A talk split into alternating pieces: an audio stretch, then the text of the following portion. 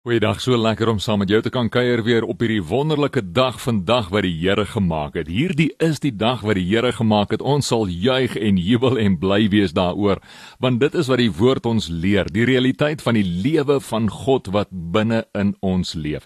God self, ons hemelse Vader, ons liefdevolle hemelse Vader het sy lewe in ons harte gesit. Hy het sy lewe in ons neusgate ingeblaas en daarom as jy vandag kan asemhaal, is dit meer as genoeg rede vir jou en vir my, vir almal van ons om dankbaar te wees en te jubel en te juig in die Here, die feit dat ons lewendig is, asemhaal en kan dankbaar wees vir die goedheid en guns van God. Ons is besig met die boek van Ester en laas het ons gekyk na Ester 5 en Ester 6 uh, vandag dan wat ons mee begin. Ester 5 praat natuurlik dan van onthou toe Ester vir hulle gesê het vir die koning gesê het, maar kom ons hou hierdie fees. Ek gaan 'n fees vir julle hou en Haman is baie opgewek. Onthou, dis wat gebeur het. Haman's opgewek. Hy gaan nou saam met die koning na die fees toe En hy sê ek vir sy vrou en sy vriende familie, hoorie, dis net ek vir wie hierdie koning gekies het. Ek wat so spesiaal is. Die koning het niemand anders gekies nie. Ek gaan nou saam met hom in. Toe hy nou vir hulle vertel van die goedheid en die guns wat hy kry in die oë van die koning en die koningin, toe sê sy familie vir hom nadat hulle toe nou hoor dat uh, Mordegai nie vir hom buig nie. Toe sê hulle man, ons het 'n plan. Jy moet vir Mordegai moet jy 'n galg bou en jy moet hierdie man om die lewe bring. Nou dit is wat besig is om af te speel. Dit is die storie van Ester sover waar sy bewus geraak het van die volk se dilemma en waar sy intree vir die volk waar sy vir uh, die koning wil vra om hulle lewens te red, maar onthou nou die wysheid van die Here in haar, nê, nee, waar sy kies om nie onmiddellik vir die koning te sê, "Hoorie, red my volk nie asseblief," en red vir Mordegai nie. Nee, sy wandel regtig in die wysheid van die Here en sy kies om te wag om seker te maak dat die tyd reg is wanneer sy die versoek aan die koning rig. En nou is ons by Haman waar hy mos nou met sy familie praat en hy sê vir hulle hoorie alles gaan wonderlik ek is so spesiaal in die koning en in die koningin se oë en almal betoon eer aan my behalwe hierdie Mordegai hierdie vent Mordegai en dan sê hulle vir hom maak hierdie galg nou dis waar ons die storie optel die verhaal van Ester optel en ons kyk na hoofstuk 6 dan spesifiek verder hoofstuk 6 in dieselfde nag nou dit is baie besonder. Nou dis die nag nê, nee? onthou nou wat gebeur het hier. Dis die nag waar na die fees nou gevier was. So hierdie een fees was nou gevier wat Ester vir die koningin vir Haman gehou het en in hierdie fees, onthou wat sy gedoen het, sy het nie onmiddellik nou vir hom gesê dis wat jy moet doen asseblief koning, spaar vir Mordegai, spaar my volk nie. Sy het gekies in hierdie fees om ons nou vir die koning te sê dat as die koning dit goed vind, laat die koning dan vannag dat die fees kom en toe nou later in die fees sê sy mos nou vir die koning my bede my versoek is as ek genade gevind het in die oë van die koning en as die koning dit goed vind om my bede toe te staan en aan my versoek te voldoen laat die koning en Haman na die maaltyd kom wat ek vir hulle sal berei verwysende na die een môre dan sal ek môre na die wens van die koning handel. So dis nou in daardie selfde nag net na hierdie fees van daardie dag waarin sy nie haar versoek geposisioneer het nie vir die redding van die volk nie, maar sy het eerder vir die koning gesê kom na nog 'n fees. Sy is hier besig om die Here te vertrou. En hierdie is die punt wat ek wil illustreer. Hierdie is wat ek wil onderstreep. Hier waar Ester die Here vertrou in daardie dag, in daardie eerste fees waar sy kon vir hom gesê het red vir Mordegai en red die volk, sê sy nee wag eerder ek gaan die Here vertrou en ek gaan vir die koning net sê as dit in jou oë goed is kom dan nog 'n fees asseblief. So, die punt van die saak hier is vertrou die Here. Vertrou die Here met jou lot, vertrou die Here met jou lewe, met dit wat jy hom regtig mee moet vertrou. So in die midde van hierdie situasie waar sy dit nou alles in ons liewe hemelse Vader se hand sit, in die midde hiervan in daardie selfde nag, hoofstuk 6 vers 1, in dieselfde nag het die slaap van die koning gewyk. Nou vra ek die vraag: Wie is dit wat gemaak het dat die koning nie kon slaap nie? Natuurlik, dis net een wat soewerein en almagtig is wat die koning nie laat slaap nie en dit is God, ons hemelse Vader. In dieselfde nag het die slaap van die koning gewyk. En die Here kon so inwerk in daardie situasie want Ester het hom nou vertrou. Ester het die Here vertrou met haar lewe. Sy het hom vertrou met hierdie versoek. En omdat hy nou nie slaap nie en kan slaap nie, sê vers 1 verder die volgende: En hy het gesê dat hulle die gedenkskrif, die kronieke moes bring. Die koning sê vir hulle: "Hoorie, bring bietjie 'n paar boeke hier sodat ek kan laat ek kan aan die slaap raak. Hoop as julle vir my lees, dan kan ek aan die slaap raak." En toe die koning uh, vra die koning dat dit voorgeles moet word. Vers 2. En toe die koning vra dat hulle dit moet voorlees, vind hulle daar beskrywe. Nou onthou Mordegai nê, nee, so 'n paar hoofstukke terug, hy het mos die koning se lewe gered, nê. Nee, dis wat gebeur het.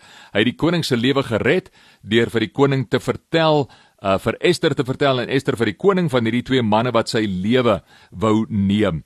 En nou lees hulle in daardie nag eerste wonderwerk, die eerste wonderwerk, die koning kan nie slaap nie. God is besig om hierdie man wakker te hou. Die tweede wonderwerk, die tweede ingryping van die Here vind hulle vers 2 vind hulle daar beskrywe in die boek. Vind hulle op daai oomblik. Lees hulle daai een spesifieke boek met daardie een spesifieke inskrywing. Nou hierdie is absoluut die hand van die soewereine almagtige God. sien hulle in daardie boek daar beskrywe dat Mordegai openbaar, openbaar gemaak het dat Bigtana en Teres twee hofdienaars van die koning uit die drumpelwagters getrag het om die hand aan die koning as vir ons te slaan. So hulle lees daarin dat hierdie twee manne wou mos nou die lewe van die koning neem.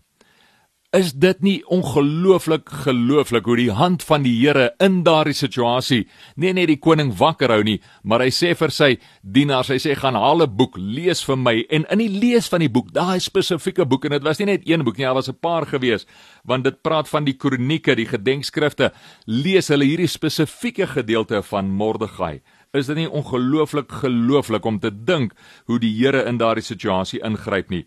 En vers 3 daarop sê die koning: "Nou hier is die derde wonderwerk. Hier's die derde ingryping van die Here. Want die woord sê vir ons dat die hart van die koning is soos water in die Here se hande.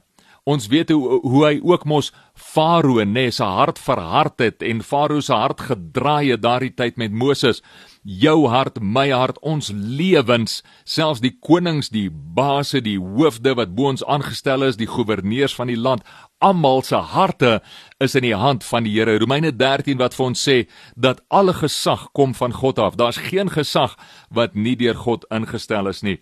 En daarop sê die koning vers 3, dis die derde wonderwerk, die derde ingryping van die Here. Daarop sê die koning: "Watter eer en verhoging het Mordegai daarvoor te beurt geval?" So die koning se hart word gedraai. Nie net eerstens kan hy nie slaap nie, die eerste wonderwerk en ingryping, maar tweedens word die boek gelees, die spesifieke boek wat praat oor Mordegai. Kyk hoe werk die Here, maar derdens ook die ingryping van die hemelse Vader hierso wat sy hart draai en die koning wat sê maar hoorie vertel ons bietjie wat het ons gedoen vir hierdie Mordegai persoon wat het ons gedoen om hom te vereer dat hy my lewe gered het kyk net hoe wonderbaarlik werk die Here hier, nê? Nee. En die jong manne van die koning se dienaars het geantwoord en hulle sê vir hom: "Met hom het niks gebeur nie. Ons het niks gedoen vir Mordegai nie." Nou, hierso natuurlik weer vers 4 sien ons die koning en dit kan ook net toegeskryf word aan 'n ingryping van die Here wat sy hart draai. Die koning sê toe: "Wie is in die voorhof?" Juist toe Haman in die buitenste voorhof van die koninklike paleis kom om aan die koning te sê: dat hulle Mordegai moes ophang aan die galg wat hy vir hom laat oprig het. Luister net na die ironie hierso. Luister na die wonderlike fantastiese wyse wat die Here ingryp op daardie spesifieke oomblik. Dis wonderwerk nommer 4, ingryping nommer 4 waar die koning nou net vir sy dienaars vra, hoorie, wat het ons vir die Mordegai gedoen? Vers 3, nê, nee, en hulle sê vir hom met hom het niks gebeur nie. Toe sê die koning op daai oomblik, wie's in die voorhof? Juist toe Haman aan die buitenste voorhof van die koninklike paleis kom om aan die koning te sê dat hulle Mordegai moes ophang aan die galg. Nou die koning kon nie aand nie slaap nie. Nou dink net saam met my vir 'n oomblik die aand. Ons praat van die nagwagte, nê, nee, as te ware uh wat 12 uur, 1 uur, 2 uur, 3 uur, 4 uur, 5 uur is. Nou daar was gelees die hele aand deur. Kom ons reken dat hy nie kon slaap van 11 uur of 12 uur of 1 uur af nie of dalk selfs 2 uur of 3 uur, maar die feit is daar was ten minste 2, 3 ure lank gelees aan die kronieke, aan die boeke, nê? Nee? Stem jy saam? In daardie aand was daar ten minste 2, 3 ure lank wat gelees was aan die boek. So dis 'n dik boek gewees. Hulle moes baie gelees het. Nou op daardie oomblik wat daar gelees word van Mordegai, omstreek seker tussen 5 en 6 die oggend, op daardie oomblik vra die koning nou wat het ons vir Mordegai gedoen? Sy dienaar sê vir hom ons het niks gedoen nie. Op daardie oomblik, 5-6 uur in die oggend, vroeg in die oggend, nadat Haman toe nou besluit en sy familie vir hom gesê het, maar hoorie, jy moet dit vir die koning gaan sê, sommer eerste ding in die oggend, op daardie oomblik, 5-6 uur in die oggend, hoe laat ook al was, nadat die boeke nou 2, 3, 4 ure lank gelees was, op daardie spesifieke tydstip wat die Here moontlik maak Die Here wat alles bestuur, God Almagtig wat die hart van die koning in sy hand het en dit draai op daardie spesifieke tydstip kom Haman daar ingestap. Kan jy nou net die ironie hierin sien? Hoe wonderbaarlik komies eintlik hierdie episode is. Hoe die Here ingryp in hierdie situasie in Mordegai se lewe om hom eh, selfs op hierdie tydstip voor die koning te verhef om op hierdie tydstip seker te maak dat sy lewe gered word en nou laat Haman kom. Nou hierso is waar die aksie uh, van die storie baie baie interessant nou 'n wending begin neem. Die koning vra toe nou vir hom, toe hy sien dis Haman wat hy nou hoor daar is en Haman wat inkom. Haman wat nou inkom met hierdie gedagte van maar kom ek sê vir die koning ons moet hierdie Mordegai hang, nê. Nee. Nou dis wat in Haman se kop leef wat in die koning se kop leef is ons moet Mordegai verhef. Ons moet hom grootmaak, ons moet hom help en ons moet hom vereer. Vers 5 en die jong manne van die koning antwoord hom: "Daar staan Haman aan die voorhof." Toe sê die koning: "Laat hy inkom." Hierdie is besonders net. Kyk hierso, luister saam met my. Nadat Haman gekom het vers 6, vra die koning hom. Hy sê: "Wat moet met die man gedoen word aan wie die koning eer wil bewys?" Nou, luister net vir 'n oomblik hier saam met my. Die feit is die koning en dis ook die ingryping van die Here hier absoluut 100% die ingryping van God die Vader. Dit is hoe almagtig en soewerein hy is. Die koning gebruik nie die naam Mordegai nie. Die koning sê nie vir Haman, hoorie, wat moet ons doen om Mordegai te vereer nie? Glad nie, glad nie. Kyk hoe na die wysheid van die Here hierso. So die koning praat net en hy sê, hoorie Haman, wat moet ons doen met die man wat die koning eer en bewys? Nou, Haman dink toe by homself, sê die skrif. Hy dink toe by homself, Aan wie sou die koning eer wil bewys meer as aan my? Kyk kyk net hierdie man se verwaande arrogansie, nê. Nee. Hy dink hy's so belangrik, hy dink in selfverwaandheid want alles gaan oor hom, alles gaan oor my, die eie ek, hoe goed en wonderlik ek is. En hy sê vir die koning of hy dink aan homself, maar aan wie sou die koning eer wil bewys eerder as aan my? Daarom het Haman vers 7 vir die koning gesê: "Die man aan wie die koning eer wil bewys, laat hulle 'n koninklike kleed bring waarmee die koning bekleed was en 'n perd waar die koning op gery het en op die kop waarvan 'n koninklike kroon gesit is. Haman dink, "Wow, dis nou ek hierdie. Dink net hoe wonderlik gaan die Here of gaan die koning eerder my nou beloon in hierdie situasie. Dink net hoe wonderlik gaan ek vereer word in 'n situasie. So koning wat jy moet doen nê is bring jou koninklike kleed, jou koninklike kleed waarmee jy as die koning bekleed was en 'n perd waarop jy gery het en op die kop waarvan 'n koninklike kroon gesit is. Oeg, Haman kan net dink aan hoe wonderlik dit gaan wees vir hom om hierdie alles te beleef. Vers 9 en laat hulle die kleed en die perd afgee aan een van die vorste van die koning van die vermaane manne dat hulle dit die man aantrek aan wie die koning eer wil bewys en hulle moet hom laat ry op die perd oor die stadsplein en voor hom uitroep so word gedoen aan die man aan wie die koning eer wil bewys wow Haman is so vol van homself. Hy's so opgewonde. Hy sien al klaar die prentjie. Hy sien al klaar homself ry op die perd van die koning. Hy sien homself al klaar bekleed met die kleed van die koning. Hy sien homself al reeds met die kroon van die koning. Hy sien reeds in sy geestesoog hoe mense voor hom uitstap, hom begelei met die perd en in die plein dan sê in die stadsplein uitroep, die stadsplein waar almal nou kan hoor en almal kan sien waar hulle uitroep So word gedoen aan die man aan wie die koning eer wil bewys. sien hoe vol hy is van homself. Hy posisioneer hierdie ding homself dat ek is die roem werd en die verering werd. Ek ek weet ek dik nou die storie so bietjie aan, maar ek doen dit met 'n spesifieke doel, want ek wil hê jy moet sien en beleef saam met my hoe wonderlik tragies hierdie uh, misleidende persepsie was van Haman, hoe hy heeltemal mis wat die Here besig is om te doen in hierdie koning se lewe en wie die koning wil vereer.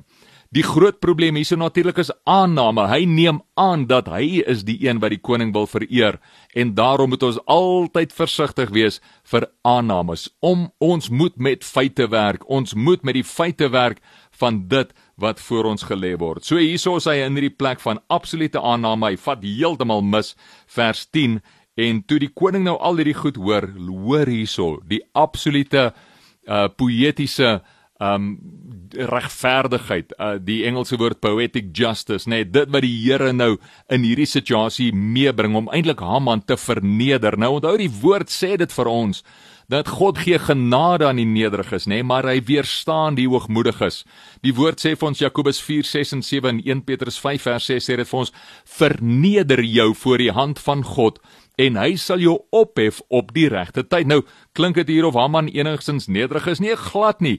Die absolute teenoorgestelde. Hy's glad nie nederig nie. Hy verhef homself bo Mordegai. Hy sê maar ek is hierdie eerwaardig dat jy voor my moet buig en dat almal voor my moet buig want ek is hierdie besondere mens. Nou luister net weer eens hier nog 'n wonderwerk, nog 'n ingryping van God Almagtig in hierdie situasie in die lewe en waar hy reg en geregtigheid laat geskied teenoor Mordegai wat hom in alle opregtheid en eerbied dien. Vers 10. Toe sê die koning vir Haman: "Nou hierso kom die doodslag vir Haman. Hier besef hy of die aanloop, die begin van die doodslag vir Haman. Hier besef hy dat hy is nie so slim en so goed as wat hy dink nie. Toe sê die koning vir Haman vers 10: "Neem gou die kleed en die perd soos jy gespreek het en doen so aan Mordegai, die Jood." wat in die poort van die koning sit. Jy moet nie een woord onvervuld laat bly van alles wat jy gespreek het nie. Nou dink net in in jou geestesoog, wat gaan deur Haman se kop? ek kan net dink hoe hy homself verwens, maar hoe kon ek so dwaas gewees het om te dink dat ek hierdie wonderlike persoon is wat die wat die koning wil vereer? en waar in daardie situasie hy besef maar o genigtig hier word die tafels gedraai hier is iets besig om te gebeur nou en dit gaan nie oor my nie dit gaan oor die wil van God en laat hy iemand anders wil vereer in hierdie situasie. En en so gaan Haman vers 11 en Haman het die kleed geneem en die perd en hy het Mordegai aangetrek. Dink net hoe moeilik dit vir Haman moes gewees het om Mordegai daar aan te trek. Die een vir wie hy uh verwens en vir wie hy eintlik verafskiet die een wat hy wil doodmaak hy beklee nou vir Mordegai met heerlikheid met die koning se kleed self en daarom elders sê die woord dat God self is jou regter. God self sal weer wraak neem teenoor die wat in opstand kom teen jou. As ons dink aan Jesaja wat ook praat dat geen woord wat gevorm word teen jou sal suksesvol wees nie. Uh dit sal ledig terugkeer. Geen wapen wat gesmee word teen jou sal suksesvol wees nie. Dit is wat Mordegai hier beleef. Hy beleef die goedheid van die Here. Dat die Here selfs die vyand gebruik Haman gebruik om hom eer te betoon Daardie wat Jesus praat van in die woord, hy sê maar moenie jy wil weer wraak neem nie. Los dit in die hande van God. Hy sal jou saak beveg.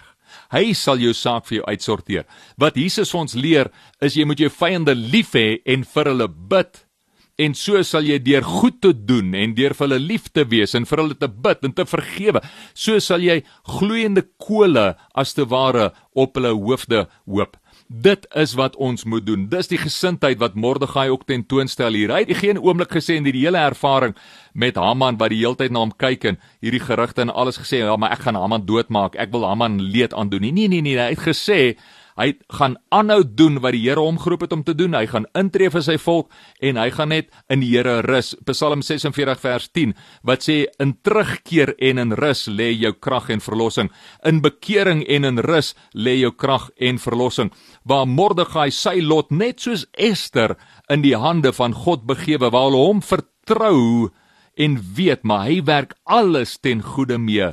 Dis in daardie plek waar Mordegai is en nou kom die Here en hy het reeds dit wat in Ester se hart leef en reeds dit wat in Mordegai se hart leef vir beskerming en vir die krag in die werking van die Here. Nou reeds kom die Here en hy kom verhef Mordegai en hy gebruik niemand anders om dit te doen nie as die vyand Haman wat vir Mordegai wou doodmaak nie. So Haman het die kleed geneem en die perd en hy het Mordegai aangetrek en hom laat ry oor die stadsplein en voor hom uitgeroep: So word gedoen aan die man aan wie die koning eer wil bewys. Wow. Dit moes 'n bitter pil gewees het vir Haman. Vers 12. Daarna het Mordegai teruggegaan na die poort van die koning. Teruggegaan na die poort van wie? Die koning. Maar Haman het hom gehaas na sy huis toe, treurig en met 'n bedekte hoof. Die man het al sy speelgoed uit die kot uit gegooi. Kyk, hy was so mistroostig geweest van dit wat nou gebeur het. Hy het homself nou ingehou tot by hierdie punt om sy werk te doen, maar die koning het gesê doen dit en hy het geweet as hy dit nie gaan doen nie, dan gaan hy as Haman gaan hy sy kop verloor in die situasie. Maar nou sy op pad huis toe want nou verloor hy behoorlik kop. Mordegai is op pad na die koning toe want hy word nou vereer deur die koning. Maar Haman sê laat ek net myself verwyder uit hierdie situasie. Laat ek net wegkom van hierdie plek af en myself in 'n plek van mistroostigheid gaan insak en as as te ware plaas daar by die huis laat ek nou maar myself bejammer vir al die slegte goed wat nou met my gebeur het. Maar let wel, al die slegte goed het met hom gebeur want daar was 'n boosheid in Haman se hart nê. Nee, daar was 'n slegtheid in sy hart gewees. Hy het in opstand of in hoogmoed eerder arrogansie as te ware het hy homself verhef. En dit is weer eens wat Jakobus 4:6 tot 7 en 1 Petrus 5 uh, vers 6 en 7 vir ons sê dat God weerstaan die hoogmoediges. Dis presies wat hier gebeur het. God het Haman weerstaan maar hy gee genade op genade aan die wat nederig is aan die wat hulle verootmoedig voor die Here. Hy gee genade aan die nederiges en dit is wat hy doen hier. Dis 'n pragtige kragtige illustrasie van presies wat hy doen hier. Hy illustreer vir ons hoe lyk dit as hy genade gee aan iemand soos Mordegai. Hy verhef hom en dis weer eens wat die skrif sê, Jakobus 4:6 tot 7 en 1 Petrus 5:6 tot 7, dat verneder jou voor die aangesig van God en hy sal jou verhef. En dis presies wat God die Vader hier doen in Mordegai se lewe. Hy verhef hom, maar Haman verneder hy as gevolg van sy trots en sy weerstand teen die Here. Haman gaan nou huis toe, treurig en met 'n bedekte hoof. Vers 13 en Haman het aan sy vrou Ceres en al sy vriende vertel alles wat hom oorgekom het. Toe sê sy wyse manne, blykbaar nou wyse manne nê, blykbaar, toe sê sy wyse manne en sy vrou Ceres vir hom: "As Mordegai voor wie hy alreeds begin val het, uit die geslag van die Jode is, sal jy niks teen hom kan uitrig nie, maar heeltemal voor hom val. Arme man, nie net het die koning hom nou verneder nie, maar hy besef ook nou sy vriende, sy wyse manne, vriende en sy vrou sê vir hom: "Hoorie, daar's nou niks wat jy kan doen aan die saak nie. As jy voor Mordegai geval het, is daar niks wat gebeur wat jou sal kan keer om voor hom en die hele volk te val nie." Nou vers 14 Onderwyl hulle nog met hom spreek, kom die hofdienaars van die koning aan. En hulle het Haman gou na die maaltyd gebring wat Ester gereed gemaak het. Nou, kom ons onthou terug daan hoofstuk 5, nê, nee, waar Haman mos nou baie opgewonde was want hy gaan nou na die maaltyd toe. Hy voel nou ek is die man hierso wat nou gaan na die maaltyd toe. Ek is nou gekies. Ek gaan in die koning se oë gaan ek hierdie aansien geniet. Maar nou sit 'n hoofstuk later, hoofstuk en hy besef nou die tweede keer wat hy na die maaltyd geroep word, o wee, daar's nie hierdie opgewondenheid van ek wat so spesiaal is nie, maar daar's eerder dink ek 'n baie groot versigtigheid van wat gaan nou volgende gebeur. Haman is nou besig om iets te ervaar van die God van die Jode, die God van Israel wat as kampvegter opstaan vir sy kinders. En daarom wil ek jou bemoedig vandag net om te laat weet, laat jy kan weet, laat jy weet, maak nie saak waardeur jy gaan nie, maak nie saak wat jou omstandighede is nie. God is jou kampvegter. Hy staan op vir jou. Hy het jou beste belange dra hy op sy hart. Jy hoef nie bekommerd te wees nie. Jy hoef nie bang te wees nie. Al wat jy hoef te doen en dis wat die woord ons aanmoedig is werp jou bekommernis op die Here want hy sorg vir jou. God is ons almagtige, liefdevolle, soewereine hemelse Vader, ons Pappa wat vir ons sorg, wat met deernis, met omsigtigheid na ons kyk. Daar's niks wat ons uit sy hand uit kan ruk nie. Niks kan jou uit sy hand uitruk nie. En wat ook al soos Josef kan ons sê, wat ook al gebruik was tot kwade bedoeling, sal die Here gebruik om verlossing te bewerkstellig.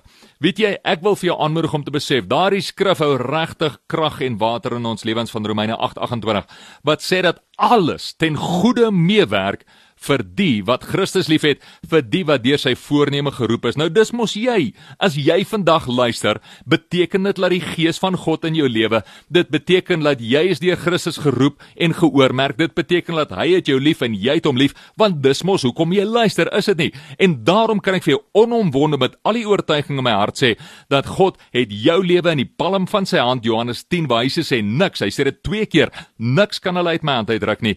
En waar hy sê dat ek werk alles ten goeie mee vir jou.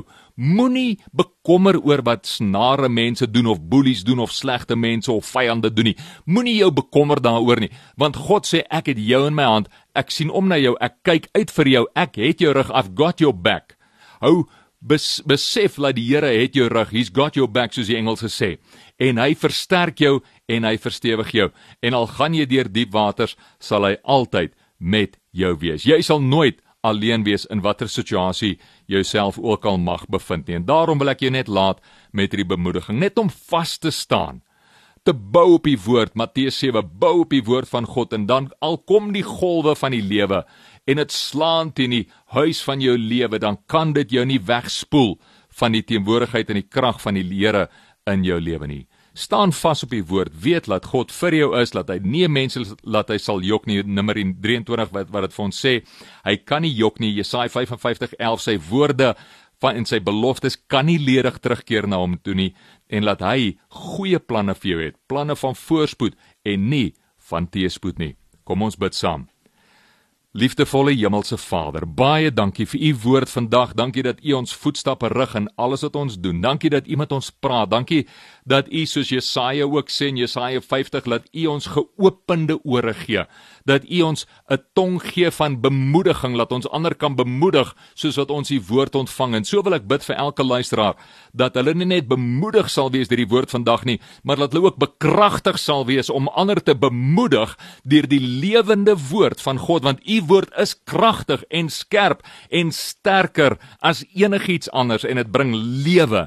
U woord, soos Jesus sê in Johannes 6, u woord is lewe en gees, die woorde wat u tot ons spreek. En daarom wil ek net hierdie gees en lewe inspreek as te ware in elke luisteraar. Mag jy hulle behoeftes ontmoet. Mag hulle regtig ervaar dat u 'n goeie, liefdevolle hemelse Vader is wat hulle lot ook in u hand hou en dat u ook hulle saak beveg as kampvegter en laat ons nooit soos Mordegai nooit bekommerd hoef te wees nie want wanneer ons osself verneder voor u sal u ons verhef op die regte tyd. Vader, vergewe ons en mag ons regtig nooit in hoogmoed en trots wandel nie. Vergewe ons waar ons enige hoogmoed en trots in ons lewens toegelaat het. Ons buig ons denke voor U. Ons buig ons harte voor U, wetende dat U ons lewens, ons denke, ons harte, selfs ons woorde, ons gedagtes, alles in U hand hou en laat ons lewens soos water in U hand is. En so bid ek vir elke hart om op net net soos wat U elke hart nou in U hand hou bid ek dat U opnuut elke hart sal draai van elke luisteraar soos wat dan geluister word na die woord. Mag ons harte gedraai word opnuut na U. Mag ons U opnuut sien, opnuut ervaar, opnuut beleef as ons liefdevolle hemelse Vader wat sy lewe vir ons gegee het deur U seun Jesus Christus. Vader, laat U koninkryk kom en laat U wil geskied in alles wat ons doen in die wonderlike kosbare heilige naam van Jesus Christus bid ek dit. Seën u kinders. Seën hulle ryklik met die goedheid en guns van die Here in Jesus se naam. Amen en amen. Alle guns en voorspoed vrede vir jou. Mag die teenwoordigheid van die Heilige Gees en die vrede van God ons Vader met jou wees tot 'n volgende keer. Amen.